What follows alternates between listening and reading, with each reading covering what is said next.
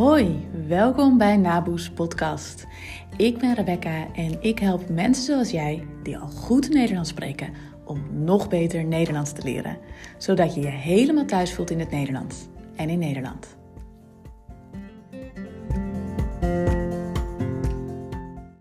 Hoe kom ik van mijn accent af? Hoe verlies ik mijn accent? Het is een vraag die me veel wordt gesteld in de les. En ik snap het wel. Ik snap dat je droomt van een perfect Nederlandse uitspraak. Dat je ervan droomt dat het niet meer te horen is. Dat je ergens anders bent opgegroeid. Dat je niet je hele leven al Nederlands praat. Ik snap die droom heel goed. En ik had die droom eigenlijk zelf ook toen ik uh, Frans leerde en in Frankrijk woonde. Ik wilde niet dat mensen aan mij zouden horen dat ik pas vanaf mijn achttiende echt goed Frans aan het leren was. Daarvoor wel een beetje op de middelbare school, maar het echte leren van Frans deed ik pas toen ik in Frankrijk woonde. En dat was op mijn achttiende, of nou ja, nog net mijn zeventiende eigenlijk. Uh, dus allereerst, ik snap het als uh, deze vraag ook bij jou leeft. En ik heb ook wel eens gehoord van studenten dat ze het vervelend vinden. Dat mensen al heel snel aan ze vragen waar ze vandaan komen. Uh, niet iedereen vindt dat vervelend. Ik zeg niet dat je dat vervelend moet vinden, maar ik heb dat van meerdere mensen wel gehoord. Omdat dat ze eraan herinnert dat het dus te horen is. Dat ze niet in Nederland zijn opgegroeid. Dat ze niet altijd al Nederlands spreken. Echt waar, het is een heel mooie droom. Maar helaas, en uh, misschien uh, stop je nu direct met het luisteren naar deze podcast, maar helaas is de kans groot dat dit altijd een droom blijft. Het is namelijk heel, heel, heel moeilijk om nog echt die perfecte, 100% perfecte uitspraak te krijgen als je op latere leeftijd bent begonnen met Nederlands leren. Ik zeg niet dat het echt niet kan. Ik zeg niet dat het echt niet kan. Maar de kans is heel, heel, heel klein. En dat heeft met van alles te maken, onder andere ook gewoon met je hersenen en met je oren. En die veranderen als je wat ouder bent. Dus als jij na je achttiende op latere leeftijd bent begonnen met Nederlands leren, is de kans best groot dat je nooit deze droom helemaal waarmaakt.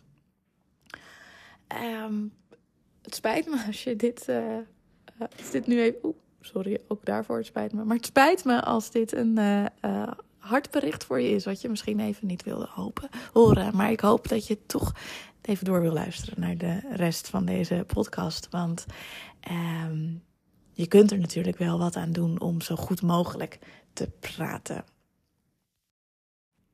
Laat ik eerst eens wat uitleggen over hoe dit bij kinderen werkt, of hoe dit bij baby's werkt, omdat je daardoor waarschijnlijk uh, iets beter uh, begrijpt waarom dit zo ontzettend lastig is.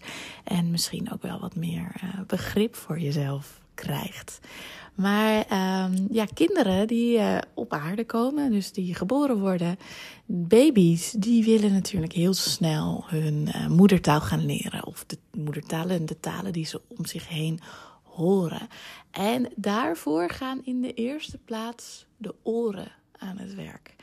De babyoren gaan aan het werk. Die zijn constant bezig met alles wat ze om zich heen horen horen, verwerken, opslaan. En wat zij ook doen, is categoriseren. Ze zijn categorieën aan het maken van alle klanken die ze om zich heen horen. En een klank, ja, van alles is een klank. De k is bijvoorbeeld een klank, de a is een klank, de i is een klank, de g is een klank. En dit zijn allemaal Nederlandse klanken, want dat zijn de klanken waar mijn babyoren zich in hebben gespecialiseerd. En waar ik aan gewend ben. Maar jouw oren zijn waarschijnlijk aan andere klanken gewend. Klanken die niet in het Nederlands bestaan. Um, en ook uh, klanken die. Uh, of er zijn waarschijnlijk ook Nederlandse klanken die niet in uh, jouw moedertaal voorkwamen. En uh, die, jouw babyoren, mijn babyoren, alle babyoren op aarde, bijna alle, sommige babyoren zijn natuurlijk doof, maar bijna alle babyoren op aarde, die uh, zijn hiermee bezig. En die zijn echt heel hard aan het werk en heel hard categorieën aan het maken.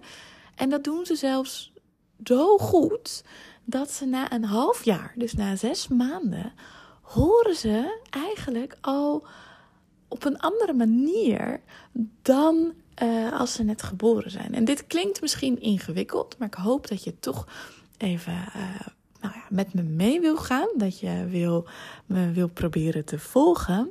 Maar die categorieën die die babyoren maken, of eigenlijk natuurlijk hoe die in de hersenen worden opgeslagen, die categorieën sturen weer wat ze horen.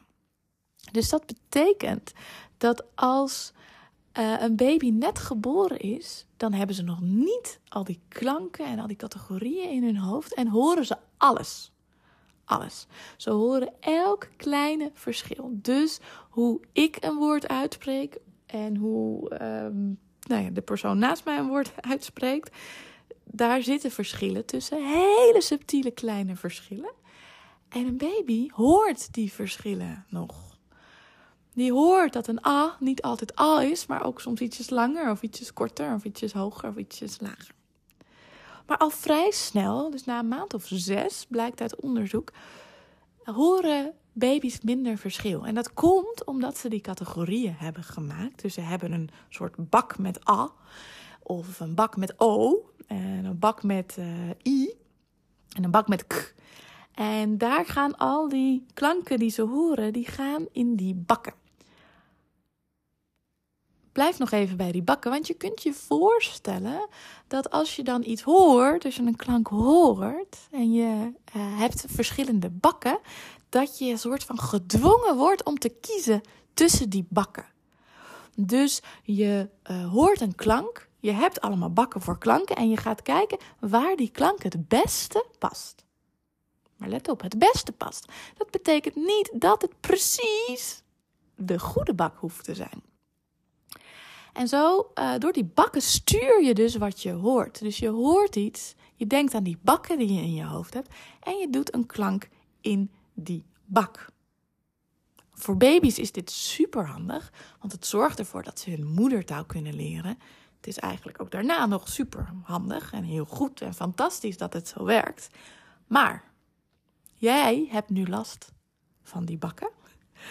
Um, want uh, ze zorgen ervoor dat je misschien bepaalde klanken niet helemaal goed meer hoort. Omdat je als kind die bakken niet gemaakt hebt in je hoofd.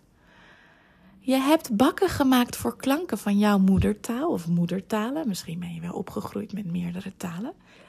En nu is jouw hoofd en zijn jouw oren eraan gewend om elke klank die je hoort in één van die bakken te doen. En sommige Nederlandse klanken, die passen misschien niet in die bak. Of die horen niet in die bak. Voor jou wel, voor jouw oren wel, maar niet voor de Nederlandse oren. Die horen verschil. Een bekend voorbeeld is bijvoorbeeld het verschil tussen de E en de I. Voor heel veel mensen met verschillende moedertalen. Maar is dit een moeilijk verschil? Voor mij niet, want ik heb in mijn hoofd een bak voor de E van ik en een bak voor de I van dier. De I en de I. Maar in heel veel talen is dat ongeveer dezelfde bak geworden. Zijn gewoon alle klanken die, daar, die daarop lijken. Zowel de I als de I en alles wat daartussen zit, zijn één grote bak. Um, dit kan voor jou ook zo zijn. Het kan ook op, uh, voor andere klanken gelden. Dat hangt heel erg van je moedertaal af en de andere talen die je spreekt. Maar die bakken zorgen er dus voor dat je niet elke Nederlandse klank meer super goed kunt horen. Natuurlijk kun je dat wel trainen door heel veel te luisteren. Een paar podcasts geleden had ik het er al over hoe belangrijk het is om te luisteren op elk niveau. Ook nog op uh, jouw niveau, op jouw hoge, vergevorderde niveau. Uh, dus je kunt het wel trainen, maar ja, die bakken, die blijven toch ergens. Die bakken die je als kind hebt gemaakt, met je babyoren hebt gevormd in je hoofd, die blijven het een beetje beïnvloeden. Misschien denk je nu, ja, maar dit gaat over horen en niet over uitspraak, over accent. En daar heb je gelijk in, maar ook weer een beetje niet. Want er is een heel sterke connectie tussen horen en kunnen uitspreken. En dat is eigenlijk ook super logisch, want iets wat je niet hoort, of wat je moeilijk hoort, is ook heel moeilijk om uit te spreken. Zo niet onmogelijk. Iets wat je niet hoort, kun je eigenlijk niet zeggen. Uh, soms kun je het wel horen en ook nog steeds niet zeggen. Dat kan natuurlijk ook, omdat er gewoon ja, iets in je strottenhoofd, dat zit in je keel. Belangrijk bij het maken van klanken je strottenhoofd. Uh, dat daar iets misschien uh, ja, niet helemaal meer werkt zoals je wil. Of spieren daar die niet sterk genoeg zijn, niet genoeg getraind zijn. Dat kan natuurlijk ook. Je hoort het wel, maar het lukt je gewoon niet. Maar het is ook heel vaak zo, je hoort het eigenlijk net niet helemaal goed genoeg. En kunt het daarom ook niet goed genoeg zeggen. Ik hoop dat je nog steeds niet helemaal ontmoedigd bent. Want ik wil hiermee dus niet zeggen dat het onmogelijk is om goed een andere taal te leren. Helemaal niet. Ik wil alleen je duidelijk proberen te maken waarom het zo ontzettend moeilijk is om voor 100% perfect een andere taal te leren als die bakken gewoon in je hoofd gevormd zijn. Dus helemaal zonder accent Nederlands praten, perfecte Nederlandse uitspraak hebben, is een mooi doel, maar misschien bereik je het nooit voor 100%. Het zal misschien altijd in sommige woorden te horen zijn dat je niet je hele leven Nederlands hebt gepraat. En zoals ik het vaak zeg, ja, 100% bereik je misschien niet. Waarschijnlijk niet. Ik zie het toch wel als, uh, ook een beetje als mijn taak om te zeggen dat dat bijna onmogelijk is. Dus 100% bereik je niet, maar 98% misschien wel. En dat is natuurlijk ook super fantastisch. Ja? Um, ja, als je een beetje perfectionistisch bent, als je het altijd helemaal perfect wil, dan is dat een pijnlijke boodschap. Maar ik hoop dat als je er iets langer over nadenkt, uh, dat het uh, een heel mooi resultaat zou zijn als het 98% is in plaats van 100. En ook belangrijk, een perfecte accentloze uitspraak van het Nederlands is niet het allerbelangrijkste. Voor mij niet. Voor jou niet. Nou ja, dat is aan jezelf. Uh, maar vooral ook niet voor uh, de mensen op straat niet. voor de mensen om je heen niet. Wat wel belangrijk is, is een goede uitspraak. Een goede uitspraak is belangrijk. Maar een goede uitspraak is niet hetzelfde als een uitspraak zonder accent. Een goede uitspraak is een uitspraak die verstaanbaar is voor mensen, die past bij wat ze kennen, die in het geval van de Nederlandse babyoren of de babyoren die altijd Nederlands hebben gehoord, een uitspraak die past bij alle bakken die de Nederlandstaligen in hun hoofd hebben. Dus uitspraak is belangrijk. Niet dat helemaal 100% perfecte accent.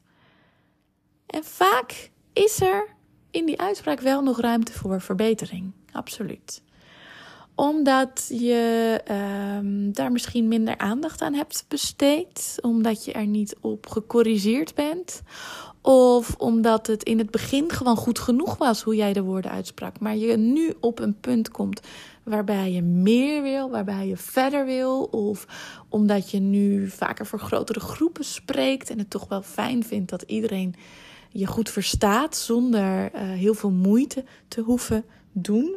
Uh, dus er kunnen allemaal redenen zijn waarom uh, je uitspraak nog niet helemaal zo is als voor jou mogelijk is. Ik denk dat er in, voor heel veel mensen, hoe goed ze ook zijn, bijna altijd nog ruimte is voor verbetering op het niveau van de uitspraak. en dan nogmaals, misschien niet tot die 100%, maar wel, nou ja, tot die 98% Heel veel mensen zitten ook daar nog uh, niet. Er is ruimte voor uh, verbetering. En als je het verhaal hiervoor hebt kunnen volgen, ik hoop dat ik het duidelijk genoeg heb uitgelegd, want het is natuurlijk vrij abstract. Maar um, ja, de conclusie daarvan is eigenlijk dat een goede uitspraak zal beginnen bij je oren. En bij het trainen van je oren en bij nog preciezer luisteren. Eh, door nog beter op bepaalde klanken te letten in die woorden. En je oren te trainen, nog meer te gaan horen. Niet alleen maar te begrijpen, maar ook echt te horen wat er nou precies wordt gezegd. Dat is een heel, heel belangrijke stap als je je uitspraak wil verbeteren. En vervolgens ook het trainen van je mondspieren. Natuurlijk, want dat zijn twee losse dingen. Horen eerst, daarna zelf gaan uitspreken.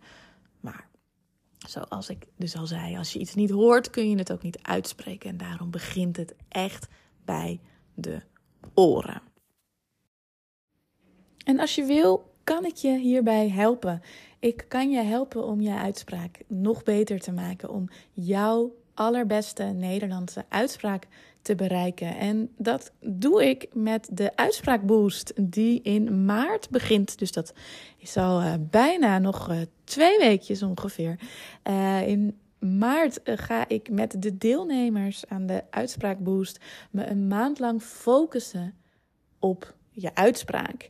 En aan het einde van die maand, dus eind maart, heb je jouw beste Nederlandse uitspraak. Dat beloof ik je. Is dat een uitspraak helemaal zonder accent? Nee, dat kan ik je niet garanderen. Nou, ik hoop dat dat duidelijk is geworden uit de hele podcastaflevering hiervoor.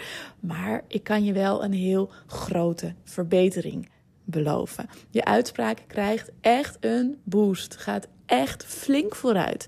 Omdat we gericht gaan oefenen. Trainen van de oren en trainen van de spieren die je nodig hebt om de klanken te maken.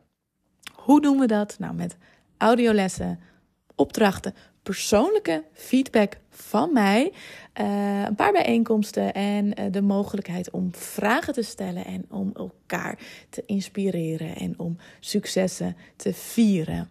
Kost dit je dan je hele maand maart, van ochtends vroeg tot avond laat? Nee, Absoluut niet. Want ik geloof erin dat je het beste Nederlands leert als het past bij je leven. En ik eh, heb er dus ook voor gezorgd dat deze hele uitspraakboost te combineren is met je leven, hoe druk het ook is. Um, je kunt het integreren in je leven. Maar het zorgt ervoor dat je je wel elke dag focust op je uitspraak. Gewoon met kleine oefeningen, kleine aandachts veranderingen, focusveranderingen, zorg je ervoor dat je bepaalde klanken die je misschien altijd verkeerd hebt gezegd, omdat je het gewoon niet goed meer hoorde of omdat iedereen je toch wel begreep, beter gaat uitspreken. Uh, hoe goed moet je zijn? Dat is een vraag trouwens die ik eh, best uh, al een paar keer heb, heb gehad. Hoe goed moet je zijn om mee te kunnen doen aan de uitspraak Boost? Dat vind ik altijd een uh, leuke vraag, omdat het uh, mij heel goed laat zien hoe uh, nou ja, bescheiden veel van mijn studenten zijn. Ze zijn bang dat ze niet goed genoeg zijn om mee te doen aan een cursus voor vergevorderden. Um, dus nou ja, als je deze vraag ook hebt, je bent echt niet de enige. Ik kan hem wel vrij makkelijk beantwoorden. Als je deze podcast luistert van begin tot eind en uh, voor een heel groot deel begrijpt wat ik, wat ik allemaal zeg, dan, ja, dan ben jij goed genoeg. Dan kun je meedoen aan Uitspraak Boost. We beginnen in maart, want het is de hele maand maart. Uh, meer info kun je vinden via mijn Instagram, Nabu Academy. En ook mijn website. Ik zal het ook allemaal in de show notes hieronder zetten. Um, er is beperkt plek, dus um, ja, als je mee wil doen, uh, wacht dan niet te lang. Want als het vol is, is het vol. En ik weet niet wanneer dat uh, gebeurt. Um, en als je nog wat wil weten, kun je me natuurlijk altijd een DM sturen of een mail sturen. Ik help je graag en ik zal je ook altijd eerlijk advies geven. Als ik denk dat het nu niet bij je past dan uh, laat ik dat weten. Ik ga je er niet in praten als je wat aan me vraagt. Daar kun je altijd op vertrouwen. Maar als je wel mee wil doen, als jij er klaar voor bent om jouw uitspraak een boost te geven, als je klaar bent voor jouw beste Nederlandse uitspraak ooit, dan ben je van harte welkom bij Uitspraak Boost. En dan zie ik je heel graag in uh, maart. Dat was het voor vandaag. Ik hoop dat je wat aan deze aflevering hebt gehad. Het was een vrij abstract onderwerp, maar ik denk dat het heel verhelderend kan zijn. Het is iets wat je meestal niet weet, wat je je niet realiseert. Uh, dat het zo werkt, die klanken in je hoofd. Uh, dus ik hoop dat het nuttig voor je was. Als je er nog vragen over hebt of je wilde wat over zeggen, kun je me altijd een berichtje sturen. Ik vind het leuk om van je te horen. Tot de volgende!